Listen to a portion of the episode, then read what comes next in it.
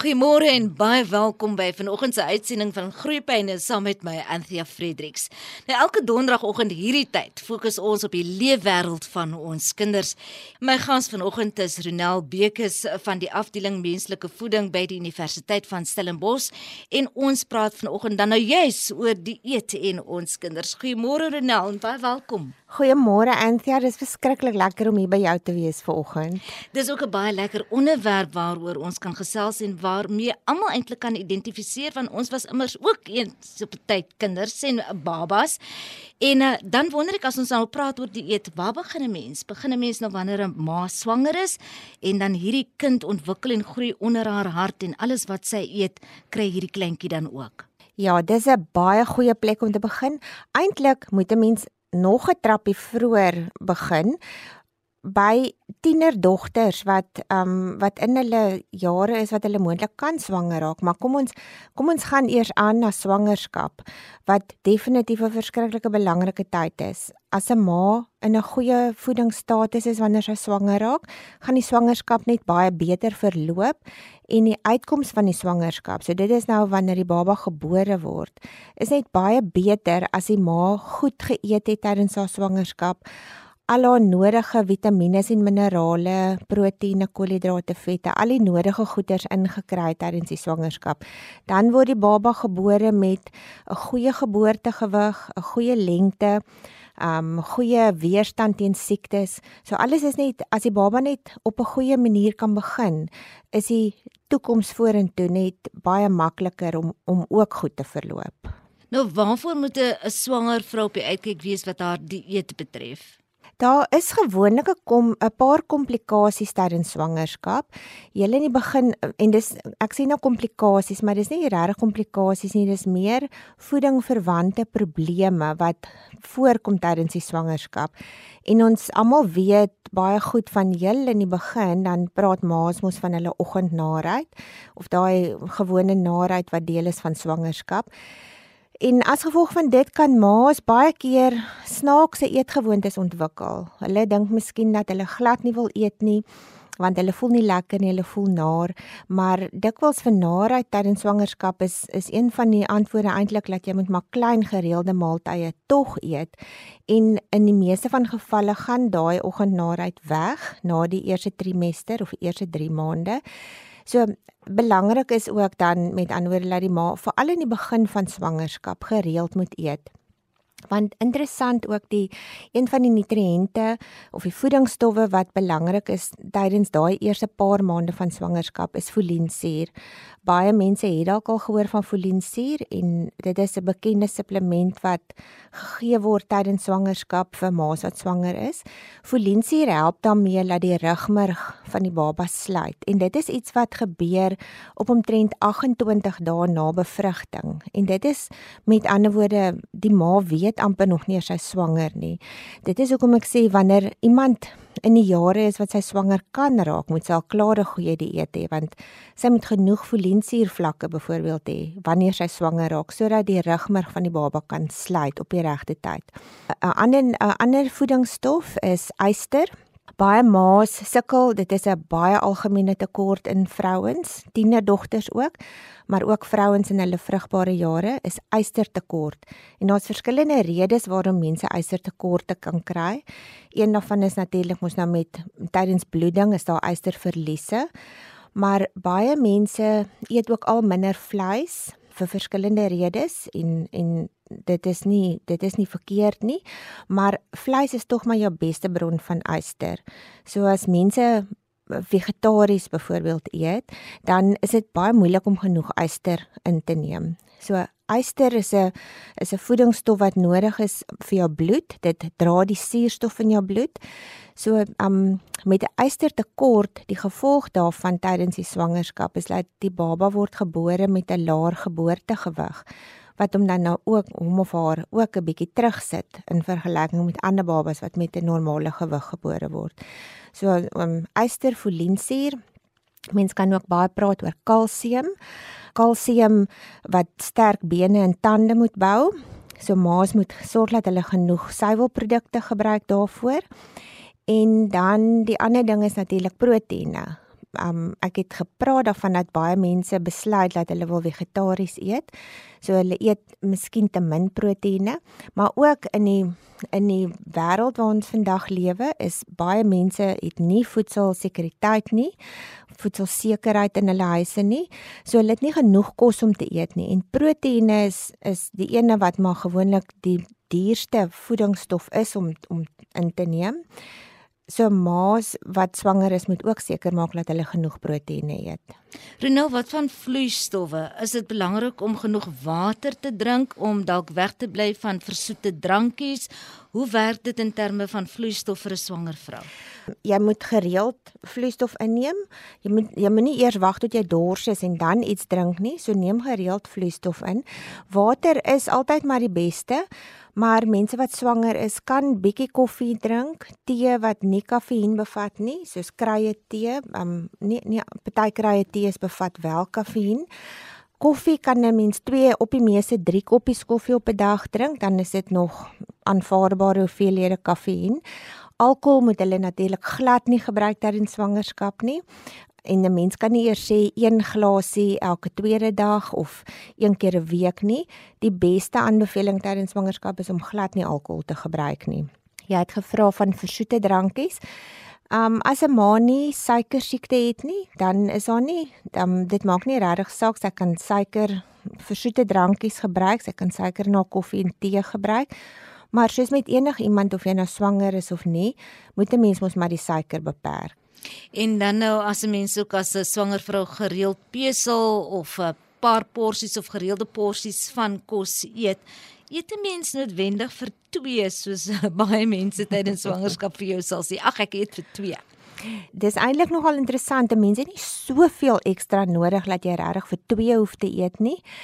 En baie swanger vrouens trap in die struik dat hulle vir 2 eet en dan heeltemal te veel gewig optel en na die swangerskap dan sukkel hulle om van daardie gewig ontslae te raak. Net 'n min of meer 'n riglyn wat 'n mens kan as jy dit nou in kos wil omskakel. Dan omtrent mense het omtrent nodig addisioneel tot jou gewone inname. Iets wat gelyk staan is aan 2 snye brood met 'n bietjie grondboontjie botter op, margarine ook seker nou maar. Um grondboontjie botter op jou twee snye volgraan brood en 'n vrug en 'n glas melk. Dit is in totaal die ekstra wat jy nodig het wanneer jy swanger is elke dag bo en behalwe jou gewone kos wat jy sou geëet het.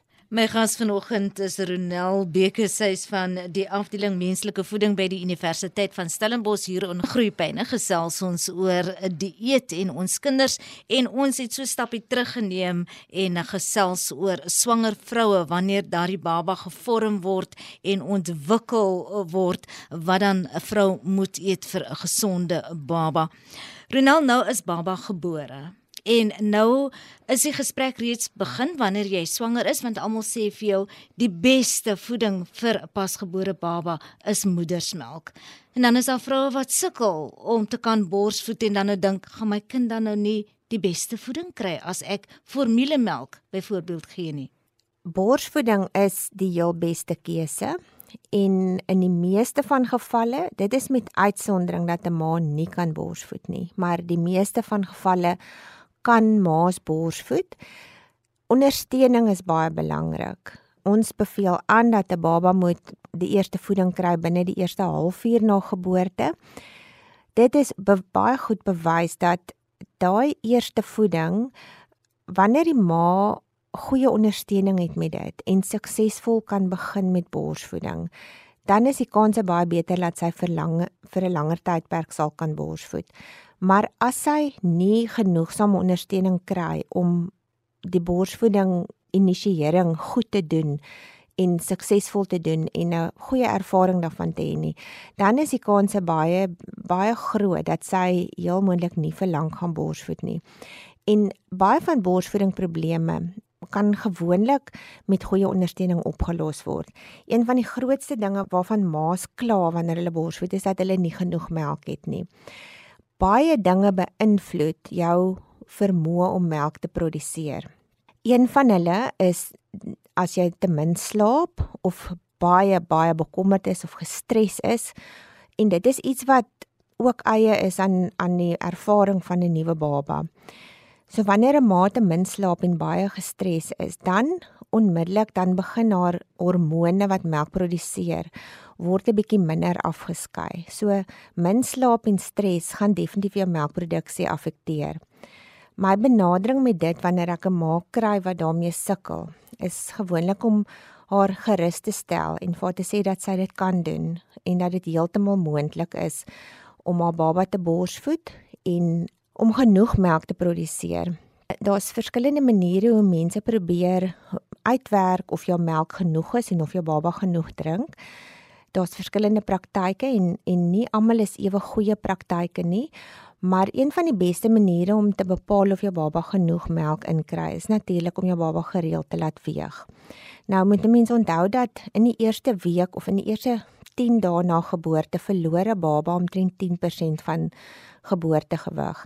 So dit is nog nie 'n indikasie dat hulle te min melk kry nie. Dit is 'n normale proses wat gebeur en dan teen omtrent 2 weke ouderdom behoort hulle geboortegewig weer te herwin het. Wat borsvoeding ook betref in die eerste paar dae na geboorte. Maas kyk na hierdie bietjie melk wat uitkom wat mos nou kolostrum genoem word. Maar die interessante feit van kolostrum is dat 1 teelepel kolostrum het so net soveel voedingswaarde soos wat 6 teelepels melk het. So as die ma um na omtrent 2 weke haar volmelk, haar moedersmelk inkry, 6 teelepels daarvan vergelyk met 1 teelepel kolostrum. So mense moet glad nie vaskyk in die bietjie kolostrum wat uitkom na geboorte en op grond daarvan besluit dat jou melk te min is nie gee wat die die beste manier om te verseker dat jou baba genoeg melk gaan kry is om gereeld te borsvoed en op aanvraag. So op aanvraag beteken jy gaan nie volgens die horlosie kyk nie want babas kan nie sien dis nou 9uur en is tyd vir 'n teetyd snackie of so iets nie.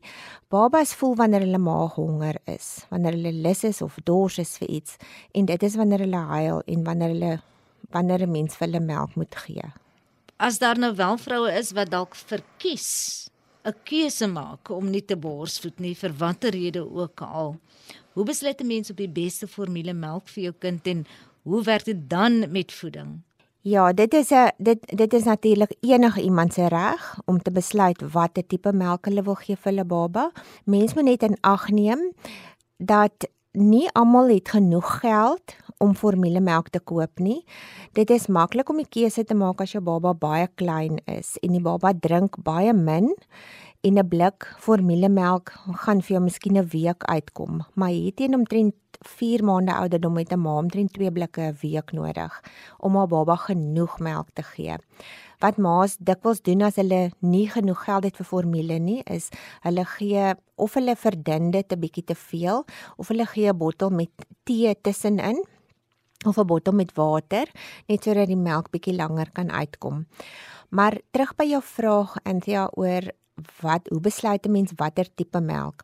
Ek gaan glad nou nie name noem van melk nie, maar 'n mens hoef nie te begin met 'n melk wat geskik is vir babas met baie allergieë nie.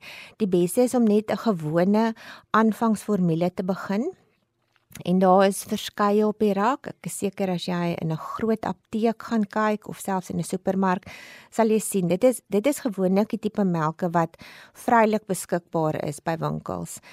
Maar as jy agterkom dat jou baba 'n uh, um allergie het, want onthou meeste van daai melke of al daai melke eintlik word van koeimelk gemaak.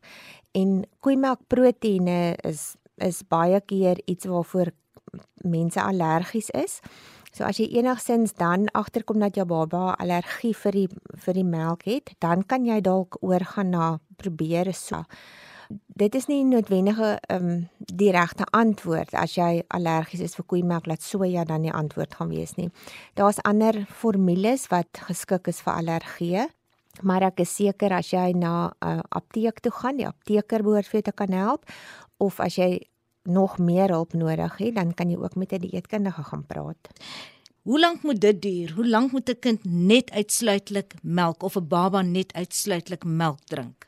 Ek's mal oor die vraag wat jy vra Anthea. Dit klink asof jy eintlik die antwoord weet al.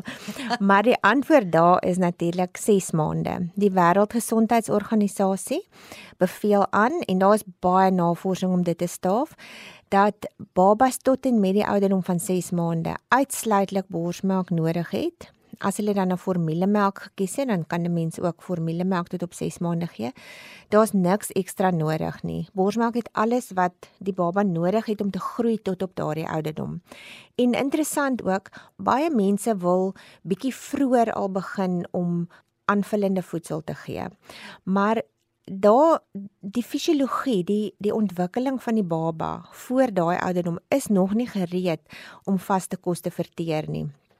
Ek het lank gelede 'n publikasie gelees waarin hulle die um vergelyking getref het en gesê het as jy op 'n te vroeë ouderdom byvoorbeeld pap vir jou baba gaan gee, sê maar soos wat baie mense wil al op 'n maand pap in die bottel sit of so iets. Dan is dit amper asof jy sement in die baba se maag sit, want dit sukkel om te verteer. Dit hou die baba vol vir 'n lang tyd. En dit dra te by dat die dat die baba nie genoeg melk drink nie en te min melk gaan dan maak dat die baba nie genoeg gewig optel nie. So as jy te vroeg begin kos gee, dan is dit regtig nadelig vir die baba. So van 6 maande, dan kan 'n mens begin um, met aanvullende voedsel Nou gaan jou volgende vraag is heel moontlik waarmee begin 'n mens? Presies. Ja. So dit maak ook nie saak nie. Enige iets wat aanvaarbaar is in jou kultuur is reg. As dit jou kultuur is om baie pasta te eet of baie rys of in ons land eet ons baie pap, dan kan jy met dit begin. So dit gaan gewoonlik maar 'n 'n styselkos wees. Mens kry um produkte wat spesiaal vir babas geformuleer is, wat jy net sê maar water bygooi of melk bygooi. Wat natuurlik ook 'n goeie keuse is want dit is dikwels verryk met vitamiene en minerale soos yster byvoorbeeld wat die baba mos nou so bietjie meer van nodig het. Ons het nou nog gepraat van yster. En die interessante ding is wanneer 'n baba gebore word, het hulle gewoonlik genoeg yster store om vir hulle tot en met 6 maande te hou na geboorte. Mense het dalk al gehoor dat dat hulle sê die yster in borsmelk is nie so baie soos die yster wat in formulemelk is nie, wat ook waar is, maar die yster in borsmelk word baie goed geabsorbeer. Daar's so 'n faktor in borsmelk wat wat help dat yster goed geabsorbeer word. En dit is ook 'n rede waarom 'n baba op 6 maande moet begin aanvullende kos eet, is om meer yster in te kry, want dan gaan die borsmelk nie meer voldoende wees nie. So jy kan begin met 'n graankos geleidelik en dan kan jy natuurlik groente en vrugte begin bysit en vleis of hoender of vis fyn gemaak. So by die tyd wat die baba 7 maande oud is, behoort hulle eintlik al van alles te kan eet in klein hoeveelhede, fyn gemaak. Dit moet net onder toesig gebeur natuurlik. Mens gaan nou nie 'n hoenderboutjie vir 'n baba in die hand gee nie, want hulle kan maklik verstik daarin. Jy moet toesig hou, jy moet die baba voer in die begin op watter stadium speen ons dan nou so 'n baba van melk? Ehm um, en hoe lank moet 'n baba nog steeds melk saam met voeding geniet? Ja, so van 6 maande af het ons nou gesê aanvullende voedsel en dan is die aanbeveling ook volgens die Wêreldgesondheidsorganisasie laat 'n mens vir 2 jaar of langer selfs borsmelk en aanvullende kos kan gee. So dit gaan afhang van die ma, van haar omstandighede, wat vir haar aanvaarbaar is, wat vir haar kan werk, maar as sy tot op 2 jaar kan aangaan met borsvoed terwyl sy nog ander melk ook gee, dan is dit wonderlik. Renal, baie van dit wat jy nou sê, besef ek dan dat ons verhouding as volwassenes, as ma's, ons houding en verhouding met kos, die erf ons kinders dan aan die einde van die dag. En dan kom ons net kortliks by ons Peters en ons kleuters uit en baie keer sal ma's en pa's en oumas en oupas vir jou sê, "Ooh, hierdie is 'n kieskeurige eter. Hierdie kind hou nie van dit en dat en die ander nie." Ja, dit dit sien ons verskriklik baie. Onthou, um, dit is deel van 'n kind se ontwikkeling ook op 2 jarige ouderdom omtrent om te begin sê dis myne of ek hou nie daarvan nie. Um, en dis nie net wat kos betref nie. So dit is hulle manier om hulle groot word te probeer uitbeeld wat hulle natuurlik nog nie regtig kan doen nie want hulle is nog lank nie groot nie. So binne en ek dink mense gaan verskil wat dit betref. Maar my opinie oor dit is dat binne grense kan 'n mens toelaat wat 'n kind wil eet. Maar let wel dat ek sê binne grense. So 'n mens gaan nie toelaat dat jou kind roomys oggend, middag en aand eet nie. Maar daar is ruimte vir roomys in 'n kind se dieet as 'n kind byvoorbeeld net hou daarvan om druiwe te eet 3 keer 'n dag. Mens gaan maar moet kyk wat verkies hulle wat eintlik goed is en daarmee kan 'n mens werk. Maar 'n mens kinders wil baie keer glad nie groente eet byvoorbeeld nie. En dan is daar 'n manier om dit mens kan dit versteek in kos. Baie kinders hou van sop. Dan kan 'n mens groente fyn maak en dit in sop eet of maalvleisgeregte waar jy groente in versteek kinders hou ook baie keer daarvan om veral op hierdie jong ouderdom waar hulle nou met hulle vingers kan werk om vingerkosse te eet. So jy kan byvoorbeeld 'n wortel in blokkies, ag in stokkies sny of hulle kan stukkies tamatie of komkommer en 'n mens kan goeders op 'n stokkie ryg dat ehm um, wat dit interessant maak vir hulle om te eet. Die ou voorbeeld is ook om gesiggies te pak. Dit dit werk nie altyd vir almal om gesiggies te pak op die bord nie. Maar ek dink ma's moet kreatief wees en dit hang af waarvan jou kind hou. So die geheim is maar altyd probeer om 'n verskeidenheid te gee en beperk die goeders wat net energiedig is. Dit beteken dit is dit is voedselsoorte wat net energie gee soos suiker of net 'n klomp vet. Probeer om kos te gee wat meer nutriëntryk is. So dit sal wees soos groente en vrugte wat wat energie gee, maar dit gee ook 'n klomp vitamiene en minerale. Nou ter afsluiting, die laaste vraag. Ons vat 'n groot sprong van ons kleuters en ons peters en dan kom ons by ons tieners uit en 'n mens is verstom as 'n mens besef hoe 'n swak verhouding baie tieners eintlik met kos het en hoeveel dieetkundige afwykings daar bestaan onder tieners. Hoekom? Dit hou ook baie grootliks verband met met die fase van ontwikkeling waarin hulle is. Kom ons kyk eers gou na die laerskoolkind, nê? Die laerskoolkind se ma pak nog 'n kosblik in. Die laerskoolkind se ma besluit wat die kind gaan eet vir aandete, wanneer hulle eet. Hulle gee sakgeld en hulle besluit waarheen jy gaan en hoe jy jou geld spandeer.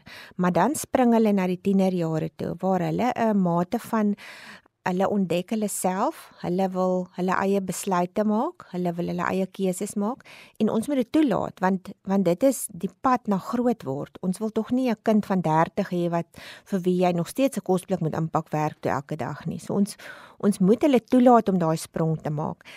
So tieners, dit is 'n dis vir hulle 'n moeilike fase ook want hulle besef ook nie dat die besluite wat hulle vandag maak, het eintlik langtermyn gevolge nie. Hulle besef nie as ek nou 'n klomp kos eet wat baie cholesterol bevat of baie sout of eh, baie vet bevat dat dit eintlik as ek die dag 50 is, gaan ek miskien 'n hoë cholesterol hê. Hulle het nie 'n saak daarmee met wat gaan gebeur as hulle 50 is nie. Dit is wat nou in hulle lewe gebeur. My vriende eet almal kos met baie um, sê maar wegneem eetes wat in baie vet gaar gemaak is en ehm um, energiedrankies, sport sportdrankies met baie suiker. Dis wat my vriende eet en dis wat ek wil eet. So dit is 'n baie groot uitdaging. En wanneer 'n mens met tieners werk en vir hulle wil motiveer om meer gesond te eet, dan is dit belangrik om te probeer fokus op wat wat die voordeel gaan wees vir nou. Mens kan moontlik sê as jy ontbyt gaan eet, hulle het 'n baie besige lewenstyl ook, nê? Hulle slaap graag laat. Hulle na skool het hulle 'n klomp ekstra klasse, hulle sport. Hulle um, kom laat middag, laat aand miskien by die huis, dan moet hulle nog huiswerk doen. So eetgewoontes verander drasties. Hulle eet nie meer saam met hulle gesinne nie en hulle slaan maaltye oor en dan vervang hulle maaltye met ongesonde keuses, miskien 'n sjokolade of 'n ja, enige iets wat wat nie noodwendig 'n maaltyd is nie. So mense moet probeer wanneer 'n mens vir hulle raad probeer gee oor oor hulle dieet. Dit moet goed wees wat inpas by hulle lewenstyl. Mense moet ook vir hulle probeer wys op hoe dit vir hulle voordelig gaan wees as hulle nou sê maar jy eet nou ontbyt, dan gaan jy beter kan presteer in skool, jy gaan beter konsentreer en jy gaan beter kan presteer. As jy gesond eet, as jy genoeg proteïene eet, dan gaan jou spiere sterk word en jy gaan beter kan presteer in sport. So mense moet probeer om die voordeel vir die korttermyn vir hulle te probeer uitwys ek wil net gou-gou byvoeg dat ons moet onthou dat tienermeisies kan swanger raak. En heel in die begin van my gesprek het ek dit gesê hoe belangrik is dit om in 'n goeie voedingsstatus te wees wanneer jy swanger raak? En dit is waarom tienervoeding word dit word dikwels afgeskeep. Ons rig nie ons ons intervensieprogramme op tieners noodwendig nie maar tienervoeding is 'n is 'n baie groot probleem en ons moet verseker later weer daaroor praat. Ja ons moet verseker ook praat oor die werk wat jy doen by die departement en die uitreiking wat jy het na jy weet uh, klinieke in townships en in gemeenskappe waar mense reg regtig kan baat vind by hierdie aanbevelings en die raad wat jy het. Ronel baie dankie weer eens baie sterkte vir die werk wat jy doen. Baie dankie. Dit dan 'n tyd vir my Anthea Fredericks hier uit die mooie Kaap om te groet tot volgende donderdag selfe plek, selfe tyd vir nog 'n uitsending van Groeipyne. Veilig bly.